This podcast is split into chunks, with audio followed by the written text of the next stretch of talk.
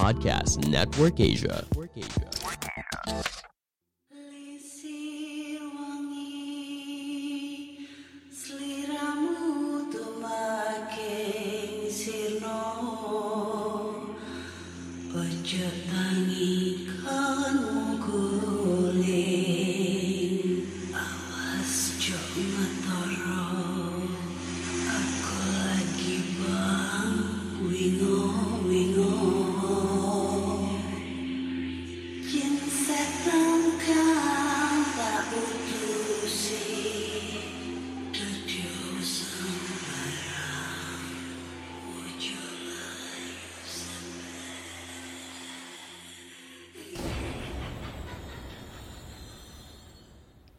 Hai Re, ya apa kabar Ketemu lagi dengan aku si Ana di podcast kisah horor dan kita bertemu di episode 173. Di episode kali ini aku akan bacakan cerita horor ataupun email berhantu yang sudah dikirimkan teman-teman melalui podcast kisah horor at gmail.com atau di Instagram podcast kisah horor serta Google Form yang linknya tersedia di bio Instagram podcast kisah horor.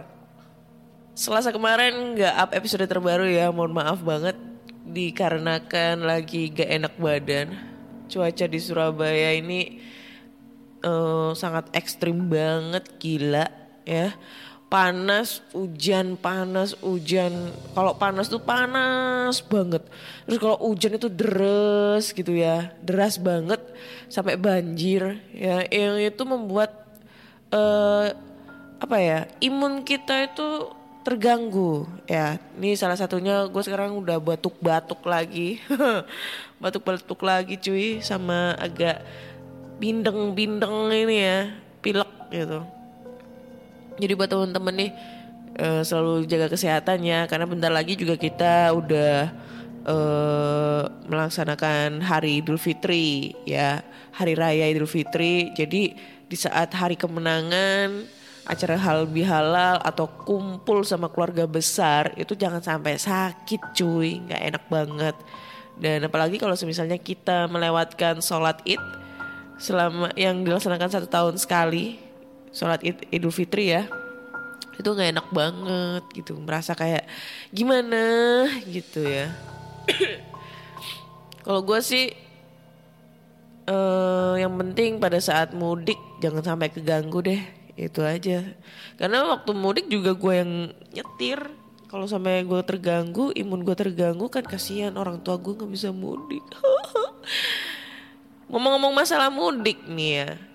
Kayaknya aku mudik itu H plus 3 deh ke Kediri. Ya buat teman-teman sih yang domisilinya di Kediri pendengar podcast kisah horor kalau mau kalau mau meet up meet up nih atau mau ngopi-ngopi ngajakin gua ngopi nggak apa-apa nih.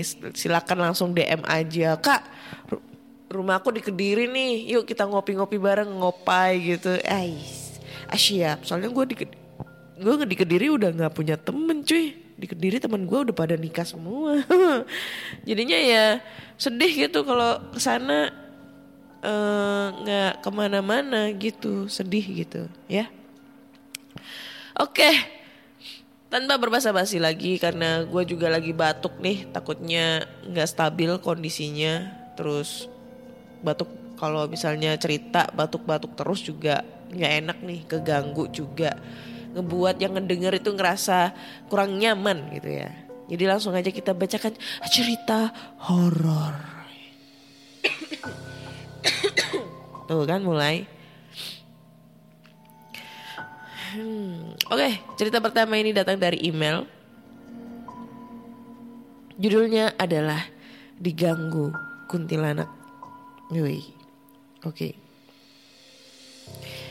Ini kiriman dari Kak Jun. Hai Kak Ana, perkenalkan aku Jun. Langsung aja ke cerita. Jadi judul dalam kisah aku ini adalah diganggu kuntilanak. Awal Maret 2005, kami sekeluarga, aku, suamiku, anakku usia 4 bulan, pindah ke Jayapura karena suamiku ditugaskan di sini. Kita nempatin rumah dinas di kompleks kantor yang sepi banget. Cuma ada empat rumah di situ. Itu pun jaraknya berjauhan. Dan dikelilingi kantor yang kalau malam sepi dan gelap banget. Kalau pagi-pagi di rumah aku cuma berdua sama anakku. Kadang-kadang aku ngerasa ada yang liatin. Tapi aku pikir cuma perasaan doang. Jadi nggak mau terlalu aku pikirin. Kalau malam, kadang-kadang suamiku kena giliran dinas malam. Aku suka dengar suara-suara aneh. Kayak kotak mainan anakku dihamburkan. Terus orang lagi mandi di WC. Suara tangisan. Tapi tiap kali aku cari sumbernya langsung hilang. Jadi aku tidak mau berpikir yang macam-macam. Suatu hari kita menjenguk anak teman yang lagi sakit. Berhubung rumahnya deket, kita jalan kaki aja. Waktu itu jam setengah delapan malam setelah Isya. Pulang dari rumah temanku itu sekitar jam 20.30 waktu Indonesia Timur. Kita lewatin jalan yang sepi dan gelap banget. Aku ngerasa ada yang ikutin aku dan bawaanku merinding banget. Tapi karena suamiku ngajak ngobrol terus, aku jadi nggak terlalu mikirin. Sampai di rumah, anakku masih belum tidur. Diajak main dulu sama suamiku. Sementara aku beresin makan malam. Sebelum kita pergi kita eh sebelum sebelum pergi kita makan malam dulu, tapi belum sempat diberesin. Tapi semua makananku basi, padahal baru juga dimasak sebelum dimakan. Lalu aku tanya suamiku, Ayah, kok makanannya basi semua? Suamiku jawab, Ah, bunda gak baca bismillah kali pas nutup makanannya. Lalu kedengeran jelas banget di telingaku suara perempuan cekikikan. Ayah! Teriakku karena ketakutan. Buru-buru suamiku datang sambil nanya, Kenapa bun? Aku jelasin yang aku denger tadi. Tapi suamiku cuma bilang, baca ta'awudz kalau diganggu setan. Lalu gak berapa lama anakku nangis-nangis. Aku buru-buru gendong anakku. Sambil digendong, anakku tetap aja nangis. Aku kasih asi juga gak mau, malah makin kencang nangisnya. Aku bawa masuk ke kamar sambil digendong-gendong terus. Awalnya tangis tangisnya agak reda, jadi aku baringkan di tempat tidur. Tahu-tahu nangisnya jadi kejer banget sampai hilang suaranya. Aku panik banget. Lalu suamiku yang ambil alih gendong anakku. Suamiku gendong anakku sambil baca beberapa surah pendek dan ayatul kursi. Alhamdulillah anakku jadi tenang dan tertidur. Jam waktu itu nunjukin pukul 23 lewat 10 waktu Indonesia Timur. Jadi aku bawa masuk anakku ke kamar sementara suamiku ngecek semua pintu-pintu dan jendela karena kita udah pada mau tidur. Abis ngecek semua dan matiin lampu, suamiku langsung masuk kamar dan tidur di samping anakku. Sedangkan aku, berhubung masih banyak kerjaan, di kamar aku sibuk lipatin baju-baju. Tahu-tahu suamiku teriak kenceng sambil duduk. Allah Akbar. Habis itu dia berulang kali istighfar. Aku tahu nih, pasti dia baru habis mimpi jelek. Jadi aku gak buru-buru nanya. Lalu suamiku bilang, Bunda, ayah mimpi ada kuntilanak masuk ke kamar kita. Dia langsung dudukin ayah, rambutnya kerasa sekali. Ayah pikir cuma mimpi, tapi ayah bisa lihat bunda lagi asik lipat-lipat baju. Suamiku menjelaskan, Aku cuma bengong aja, nggak tahu mau ngomong apa. Tahu-tahu dari ruang tengah kedengaran ada yang mencet-pencet piano mainan anakku. Emang di ruang tengah itu tempat mainannya anakku. Jadi semua mainannya kumpul di situ. Lalu kedengaran bunyi mainan di obrak-abrik. Ada bunyi musikal play yang muter sambil bunyi. Pokoknya ribut banget dari ruang tengah.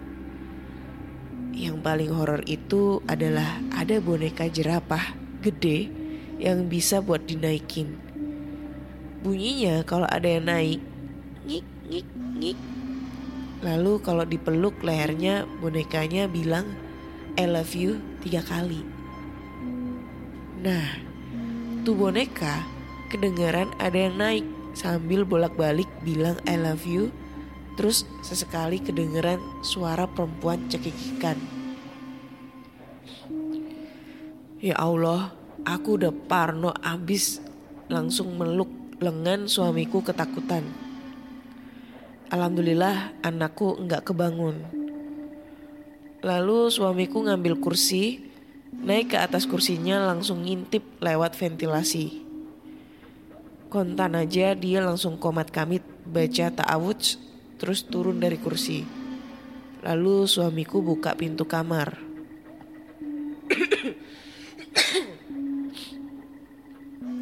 Aku nggak berani buka mata. Cuma sempat kelihatan ada putih-putih kumel duduk di atas jerapah boneka. Aku sampai kebolak-balik baca ayat kursinya. Suamiku beraniin diri membentak dia. Pergi kamu, musuh Allah. Dia ucapkan selam, selamat, eh, dia ucapkan tiga kali. Eh, kata suamiku, dia malah nyeringai. Lalu suami, suamiku mulai membaca ayat kursi. Kemudian perempuan itu berdiri, lalu pelan-pelan seperti kabut asap, lalu jadi kayak benang hitam panjang dan hilang. Itu menurut suamiku yang lihat langsung. Aku yang udah ketekat, ketekanan lagi. Ketakutan setengah mati baru berani buka mata waktu suamiku nutup pintu kamar dan bilang, "Sudah, Bun, sudah pergi." Aku langsung meluk dia dan nangis ketakutan. Suamiku pun cerita kalau perempuan itu matanya putih semua. Mukanya nggak begitu jelas karena ketutup rambut panjang yang aut-autan dan bau. Jari-jari sama kuku-kukunya panjang dan hitam. Pakaiannya juga putih kumel, kekuningan rada coklat-coklat. Aku sama suamiku jadi nggak bisa tidur sampai pagi. Paginya aku cek semua mainan anakku emang bener semua terhambur dan keluar dari kardusnya. Boneka jerapahnya langsung aku minta tolong suamiku buat dibuang karena bonekanya penuh lendir dan bau banget. Selain itu aku juga trauma. Itulah kisah kami kak sekeluarga di Jayapura. Alhamdulillah sekarang sudah tidak pernah diganggu lagi. Mudah-mudahan seterusnya demikian. Terima kasih sudah dibacakan. Sukses terus buat podcast kisah horor. Wassalamualaikum warahmatullahi wabarakatuh. Waalaikumsalam warahmatullahi wabarakatuh. Waalaikumsalam warahmatullahi wabarakatuh. Aduh, gak enak banget sumpah. hmm. PKH kalau nggak ada batuk itu kurang afdol ya rasanya. Ini jujur keren ceritanya. Uh, walaupun ini bulan-bulan puasa itu membuat sedikit agak merinding-merinding disco ini ya di pung bagian punggung itu. Gila, serem. Tapi by the way, kuntilanak sampai hijrah ke Jayapura ya, jauh banget. Pikirku tuh kuntilanak tuh cuma ada di Pulau Jawa sama di Kalimantan di kota Pontianak ya. Kalau di Pontianak itu kata kan katanya kan uh, banyak banget kuntilanak di sana. Apalagi kan Pontianak itu berdasar namanya itu diambil berdasarkan uh, kata-kata dari kuntilanak. Gue udah pernah cerita sih tentang asal usul nama kota Pontianak itu berasal dari mana, tuh ya. Cuma gue lupa di episode berapa itu. Tapi ini keren banget, sumpah. Baru opening ceritanya udah apa ya, udah serem banget, udah bikin aku sedikit merinding di area punggung. Uy, ini Beda ya merindingnya antara merinding merangsang sama merinding karena ketakutan. gue kalau dipegang di punggung aduh berasa kayak gimana gitu ngefly gitu bro. Anjay. Oke lanjut next ke cerita berikutnya. Cerita berikutnya ini berjudul Kau tindih aku tak dupa raimu. Anjay emang cowok ya kayak itu. Uh, kamu tindihin aku, aku tendang mukamu itu ya uh, bahasa Indonesianya. Assalamualaikum warahmatullahi wabarakatuh. Salam sejahtera untuk kita semua, terkhususnya podcast kisah horor. Perkenalkan namaku Koko. Aku mau menceritakan pengalamanku saat terkena tindihan Pasti teman-teman semua sudah paham dengan istilah ini atau mungkin justru pernah mengalaminya. Oke langsung aja ke TKP aja ya kak. Kejadiannya saat aku masih sekolah SMP, mungkin kelas 3 dan tahun 2004. Kalau tanggal lupa. Waktu itu pada siang harinya, hari-hari berjalan seperti biasa. Cuma bedanya badan terasa sangat letih. Malam harinya seperti biasa aku menonton TV sebelum tidur dan masuk kamar setelah mengantuk. Akhirnya aku tertidur dengan pulasnya. Mungkin tengah malam, tapi jam aku nggak tahu karena nggak lihat jam juga kan. Tiba-tiba tubuhku terpaku dan datang semilir angin dari arah kakiku bebarengan dengan suara wanita tertawa. Gitu katanya. Kurang lebihnya seperti itu ketawanya kak. Aku sadar, aku sedang terkena tindian dan nafasku terasa sesak seperti tercekik. Hatiku terus melantunkan doa-doa, memohon perlindungan kepada Allah agar semua ini berlalu dan aku mencoba membuka mataku. Tepat di atas tubuhku ada seorang wanita atau lebih jelasnya Mbah Kun Kun dengan tangannya mencekik leherku. Rasa takutku terkubur oleh rasa kesalku karena kejadiannya cukup lama dan membuatku lelah. Tanpa pikir panjang, aku angkat kakiku dan kutendang tepat di wajahnya. Dia pun terpental sembari menjerit dengan kerasnya. Mungkin kurang lebih seperti itu. Dalam hatiku berkata, Alhamdulillah, akhirnya aku selamat. Ternyata hal seperti itu bisa juga ditendang ya. Lelah, takut, bingung, dan lucu bercampur dalam hatiku saat itu. Tanpa pikir panjang lagi, aku teruskan tidurku dengan diawali dengan doa supaya kejadian tadi tak terulang. Itulah tadi pengalamanku terkena tindihan. Semoga dapat menghibur untuk mengisi waktu luang kalian. Oke. Ketindihan. Logikanya dia ngangkat kakinya, ngetendang uh, kena mukanya si kuntilanak.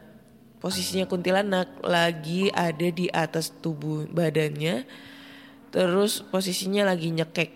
Nah loh ini gue lagi ini kayak membayangkan tuh ya. Jadi ini lo lagi tiduran terus uh, posisinya si kuntilanak di atas badan lu yang posisinya lagi nyekik lu kalau di atas badan lu Berarti kuntilanaknya itu duduk di antara perut. Kalau di perut, berarti posisi kaki lu ada di bawah perut atau di belakang kuntilanaknya. Nah, gimana ceritanya itu kuntilanak adep-adepan sama muka lu? Terus dia ngebelakangi ngebelakangi kaki lu, lu angkat tuh kaki, tendang kena muka. Apakah lu nendangnya kakinya ngelingker? Gitu. Kaki lu bisa ngelingker kayak Luffy gitu. Karet gitu. Terus abis itu nendang tuh kena mukanya dia. Nah, ini nih yang gua menjadi apa ya bingung gimana caranya gitu ya heran gue canggih gitu. Gue ketindian gue pernah ketindian tapi gue nggak pernah ngeliat wujudnya. Maksudnya maksudnya wujud real itu gue nggak pernah lihat. Mungkin samar-samar gitu karena emang waktu itu kalau ketindian itu nggak bisa buka mata. Paling bisa cuma kayak ngintip-ngintip gitu. Jadi kelihatan kayak samar-samar tapi posisinya waktu itu dia cuma modelnya kayak berdiri di atas badan. Nah ini yang gue sering bolak-balik ngomong mungkin itu yang dinamakan uh, sleep paralysis atau bisa dibilang uh, ketindihan atau mungkin juga tersuges sugesti kita yang waktu itu ngebayangin sesuatu hal yang tidak diinginkan. Nah itu tuh bisa jadi kayak gitu deh. Tuh ya? Oke next ke cerita berikutnya cerita berikutnya ini hmm, datang dari narasumber yang bernama KL KL Kuala Lumpur kejadian ini terjadi setahun yang lalu terjadi di salah satu kota kabupaten di Jawa Timur. Ini adalah kejadian tragis yang berakhir dengan kematian seorang anak SMA. Pada saat dia mengikuti acara kemah dengan kelompok pecinta alam sekolahnya. Dan anak yang meninggal ini kebetulan adalah keponakan dari teman aku. Nama anak yang meninggal adalah Dodi, nama samaran. Saat itu dia kelas 12 atau kelas 3 SMA. Dia adalah anggota pencinta alam di sekolahnya. Jadi dia termasuk senior dalam kelompok tersebut. Setiap tahun pasti ada anggota baru yang masuk. Sehingga setiap tahun juga ada acara perpeloncoan untuk anggota baru di SMA itu. Pada saat itu, acara perpeloncoan anggota baru diadakan di sebuah lokasi yang ada air terjunnya. Jarak dari kotaku ke air terjun itu kira-kira 15 km jauhnya. Sekitar tiga hari kegiatan berkemah dalam rangka perpeloncoan dilakukan di sana. Dari malam hari Jumat sampai dengan Minggu eh dari mulai hari Jumat sampai dengan Minggu. Jadi mereka melakukan camping di lokasi air terjun itu. Lokasi itu pemiliknya adalah satu BUMN perkebunan.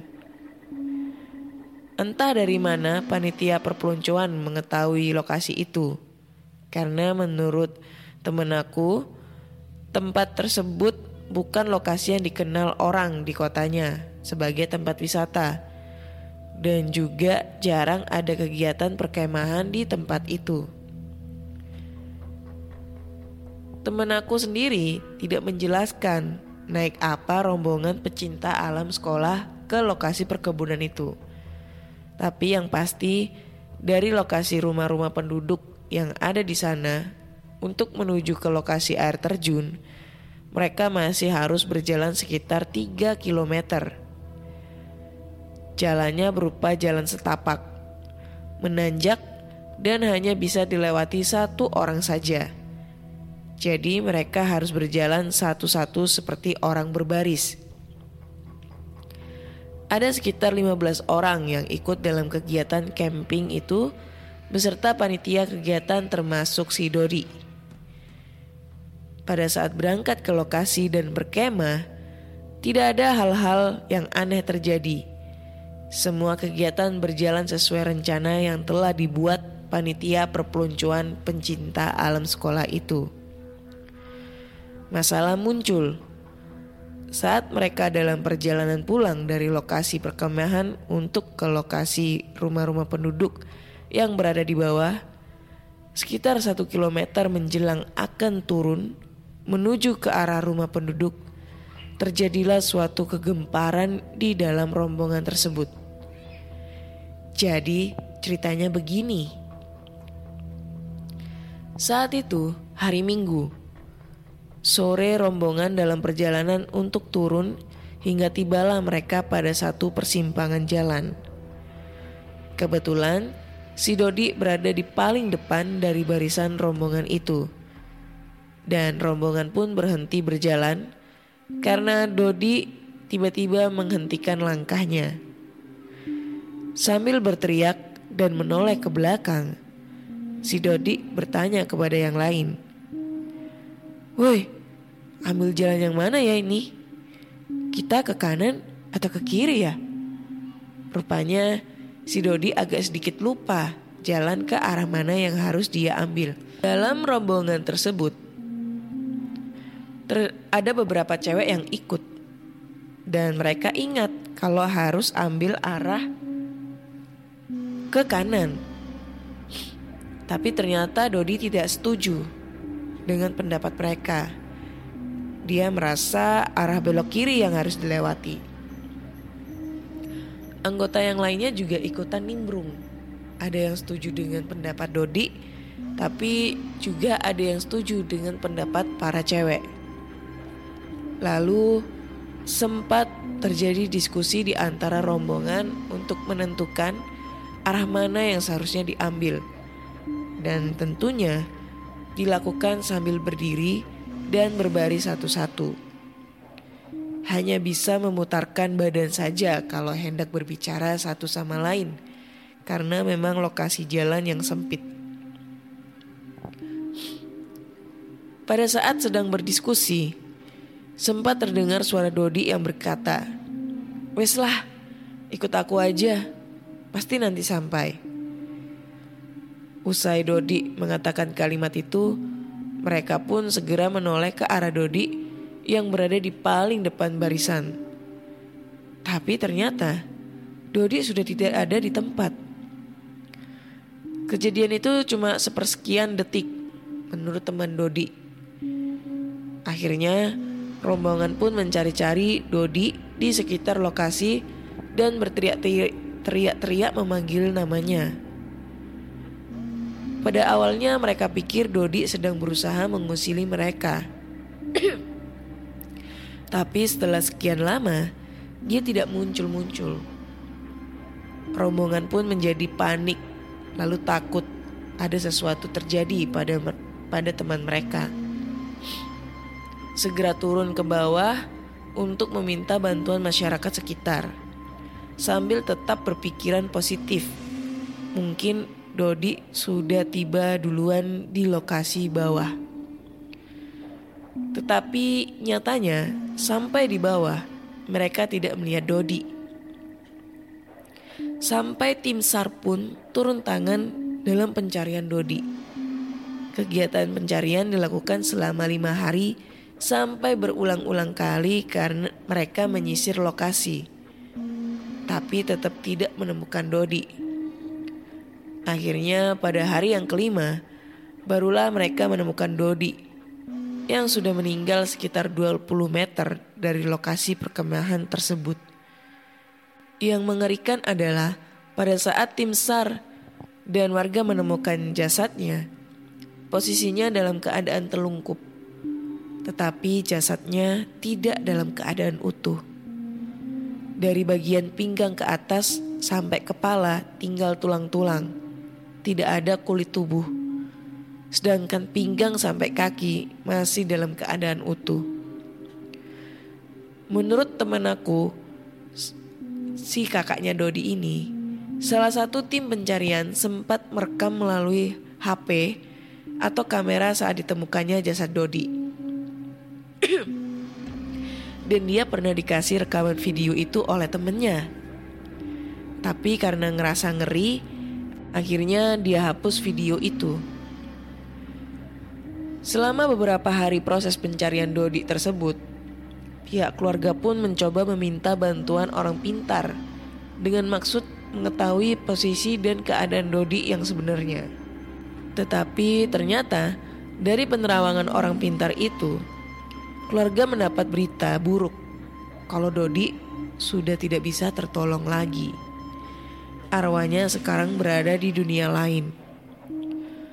Orang pintar tersebut memberi penjelasan Dodi ditaksir dan diculik oleh wanita penunggu air terjun tersebut. Mengenai wujud sosok ini, temanku nggak begitu tahu karena hanya itu yang ia dengar. Dan juga Dodi sebenarnya sudah hilang atau meninggal sebelum perjalanan pulang atau saat acara perkemahan berlangsung. Tapi menurut perkataan paranormal tersebut, kalau yang menggantikan posisi Dodi dalam kegiatan sampai hari terakhir adalah sosok jin yang menyerupai wujud Dodi. Memang tidak begitu dijelaskan secara pasti karena info yang terbatas. Sejak hari keberapa Dodi hilang atau meninggal saat kegiatan camping itu berlangsung. Walaupun teman-teman komunitas pencinta alam sekolahnya sangat bersedih dan shock mendengarkan informasi bahwa Dodi meninggal dan ditemukan dalam kondisi jenazah yang tidak utuh. Di sisi lain juga mereka masih bersyukur bahwa mereka masih dilindungi oleh yang kuasa. Seandainya pada saat itu mereka mengikuti anjuran sosok yang menyerupai Dodi untuk mengambil jalur jalan ke arah kiri. Di persimpangan pada saat mereka menuruni lokasi, mungkin saja terjadi hal-hal yang tidak diinginkan yang akan dialami rombongan tersebut. Oke kak, demikian cerita yang ku dengar dari salah satu temen aku nih yang masih bersikeras tidak ingin namanya disebutkan. Terima kasih sudah dibacakan kak. Mohon maaf jika ceritanya terlalu panjang. Semoga ini bisa menginspirasi buat pecinta alam yang lainnya. Wassalamualaikum warahmatullahi wabarakatuh. Waalaikumsalam. Anjay, suara gue udah mulai serak-serak nih sebenarnya. Gila. Nah ini, ini Gak kenapa ya tiga cerita ini lumayan serem sih. Kecuali yang cerita kedua yang agak konyol. Tapi cerita pertama dan cerita terakhir ini menurut gue serem banget. Dan itulah kenapa alasan gue nggak mau diajak camping atau naik gunung, sumpah. Gue takut banget yang namanya camping atau naik gunung. Sebenarnya banyak banget sih temen gue yang ngajakin untuk ngedaki ya. Apalagi waktu zaman kuliah itu teman-teman gue UKM volley itu rata-rata anak UKM Jalawira juga apa pencinta alam juga gitu. Sempet diajak dulu tuh mau diajak ke mana ya? ke Gunung Arjuna atau mana gitu loh gue lupa yang pasti waktu itu eh, apa namanya itu apa sih dulu itu temen gue sempat eh, terkilir kakinya gitu. Cuma kejadian terkilir kakinya. Dan ini, itu gue nggak ikut. Gue takut. Sebenarnya gue takut.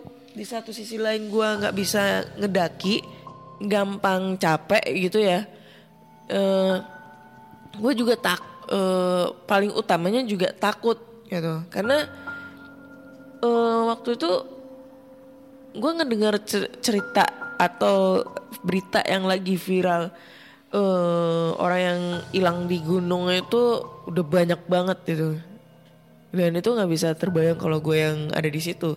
Mending gue ketemu setan ya ketemu setan di di rumah kosong atau di mana atau di jalan jangan di gunung atau sampai mencelakai kita pada saat di gunung gitu.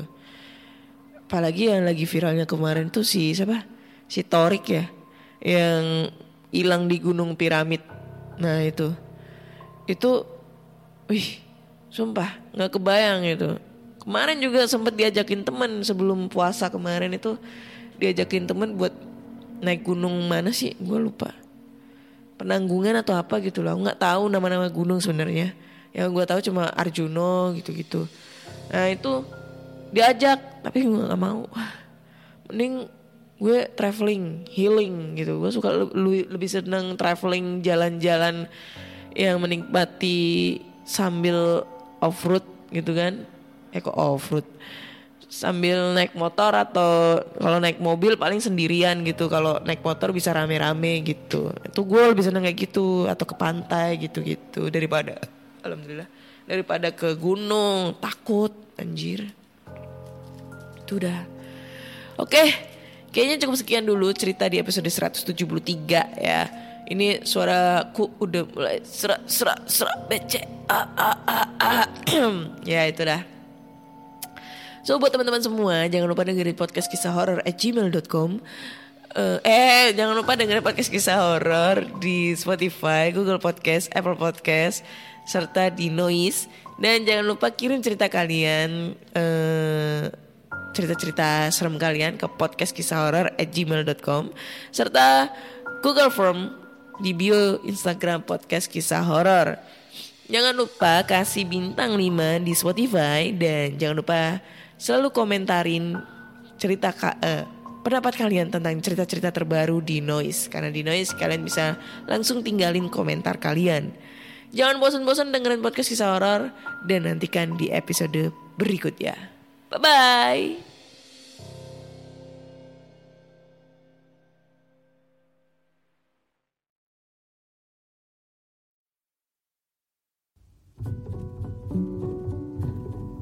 Pandangan dan opini yang disampaikan oleh kreator podcast, host, dan tamu tidak mencerminkan kebijakan resmi dan bagian dari podcast Network Asia. Setiap konten yang disampaikan mereka di dalam podcast adalah opini mereka sendiri dan tidak bermaksud untuk merugikan agama, grup etnik, perkumpulan, organisasi, perusahaan, perorangan, atau siapa pun dan apa pun.